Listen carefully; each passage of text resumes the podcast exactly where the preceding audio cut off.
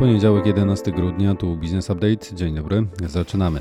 A u nas dzisiaj m.in. konsorcjum na czele z polską spółką przejmie włoski terminal przeładunkowy.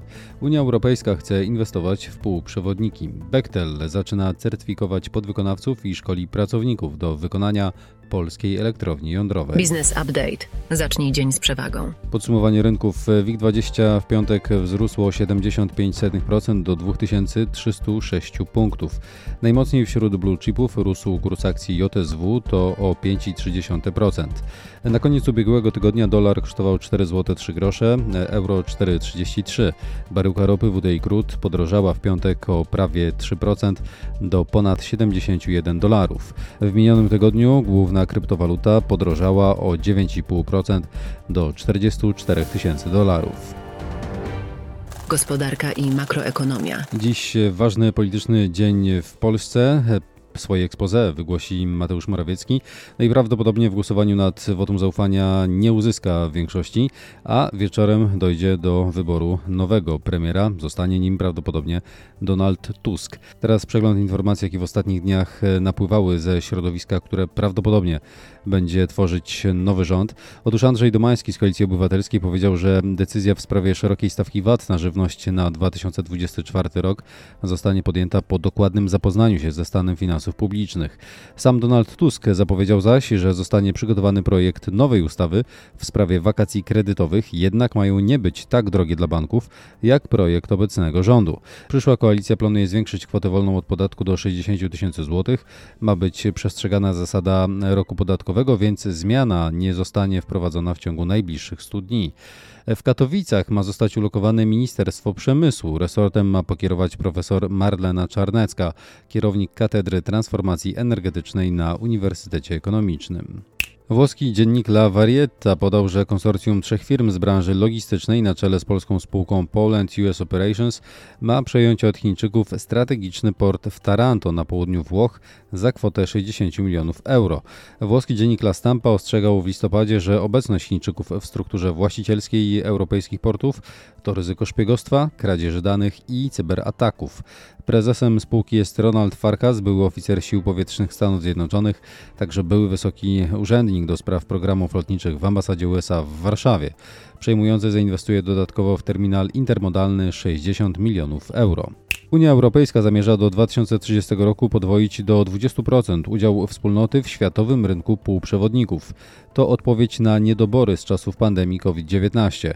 Dotychczas europejski projekt związany z tzw. Tak aktem o chipach wygenerował ponad 100 milionów euro inwestycji prywatnych i publicznych. Informacje biznesowe. Amerykański koncern Bechtel, który wraz z Westinghouse ma zbudować pierwszą polską elektrownię jądrową, przygotowuje się do inwestycji.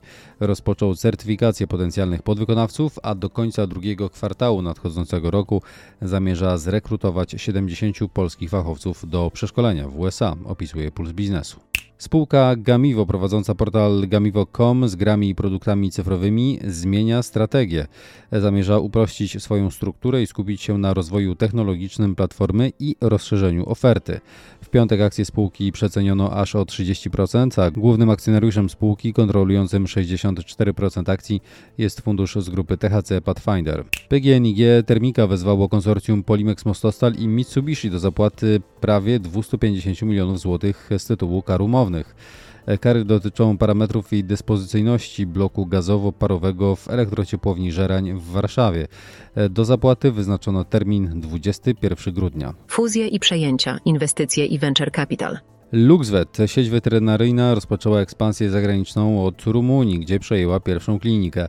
Jak opisuje Puls Biznesu, firma planuje zainwestować łącznie od 150 do 200 milionów euro w rozbudowę sieci. Dotychczas finansowana jest przez Invi, Baltic Sea Growth Fund i Synatics Capital. Projekt założyły fundusze Oaktree Capital Management i Cornerstone Investment Management. Geronimo Martins, właściciel sklepów Biedronka, stara się o 1,5 miliarda złotych od Europejskiego Banku Inwestycyjnego na modernizację energetyczną sklepów w Polsce. Komp połączył się z Elzap. Komp miał 76% akcji Elzap. Kapitalizacja Komp to 372 miliony złotych, a Elzap 32 miliony złotych. Amerykańska grupa inwestycyjna Arctos Partners nabędzie mniejszościowe udziały we francuskim klubie piłkarskim Paris Saint-Germain w ramach transakcji, w której wycena PSG to ponad 4 miliardy euro. AXA rozważa sprzedaż części swojej działalności ubezpieczeń na życie w Europie Zachodniej w ramach transakcji o wartości około miliarda euro. SpaceX Ilona Muska może sprzedać akcje insiderów o wartości od 500 do 750 milionów dolarów w wezwaniu, w którym wycenia się firmę na co najmniej 175 miliardów dolarów. Prawo i podatki. Centralne Biuro Antykorupcyjne prowadzi czynności procesowe w siedzibie Rządowej Agencji Rezerw Strategicznych, informuje ONET. Z uwagi na dobro śledztwa nie są jednak ujawniane szczegółowe informacje dotyczące tej sprawy. Rada Unii Europejskiej zaakceptowała modyfikację KPO dla Polski. Zgodnie z planem zostanie wypłacona zaliczka w wysokości 5 miliardów euro z programu na transformację energetyczną związaną z odchodzeniem od rosyjskich paliw kopalnych. Minister Finansów podpisał rozporządzenie dotyczące zerowego VAT-u na żywność. Mniejsza stawka podatkowa ma obowiązywać do końca marca przyszłego roku. Dyrektor Krajowej Izby Skarbowej stwierdził, że importer ma prawo odliczyć VAT od importowanych towarów także w sytuacji, gdy nie jest ich właścicielem.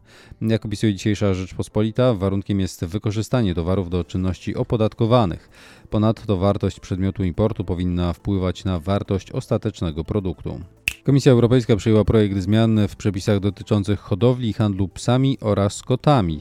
Obecne przepisy nie były zmieniane od 20 lat, a nowelizacja ma poprawić dobrostan zwierząt. Dane i badania rynkowe. O 16% do niemal 9,5 tysiąca złotych wzrosła średnia wartość szkody z komunikacyjnego ubezpieczenia OC, wynika z danych Polskiej Izby Ubezpieczeń. O prawie 110% rok do roku do ponad 8 miliardów złotych wzrósł wynik finansowy netto polskich ubezpieczycieli w pierwszych trzech kwartałach tego roku. O 15% do 917 tysięcy złotych brutto wzrosło w 2022 roku przeciętne wynagrodzenie członka zarządu spółki notowanej na GPW, wynika z raportu Grant Thornton. To tyle w tym wydaniu podcastu Business Update. Więcej informacji, danych liczbowych, a także rekomendacji spółek w naszej prasówce. Na tę można się zapisać na businessupdate.pl. Dziękuję, do usłyszenia.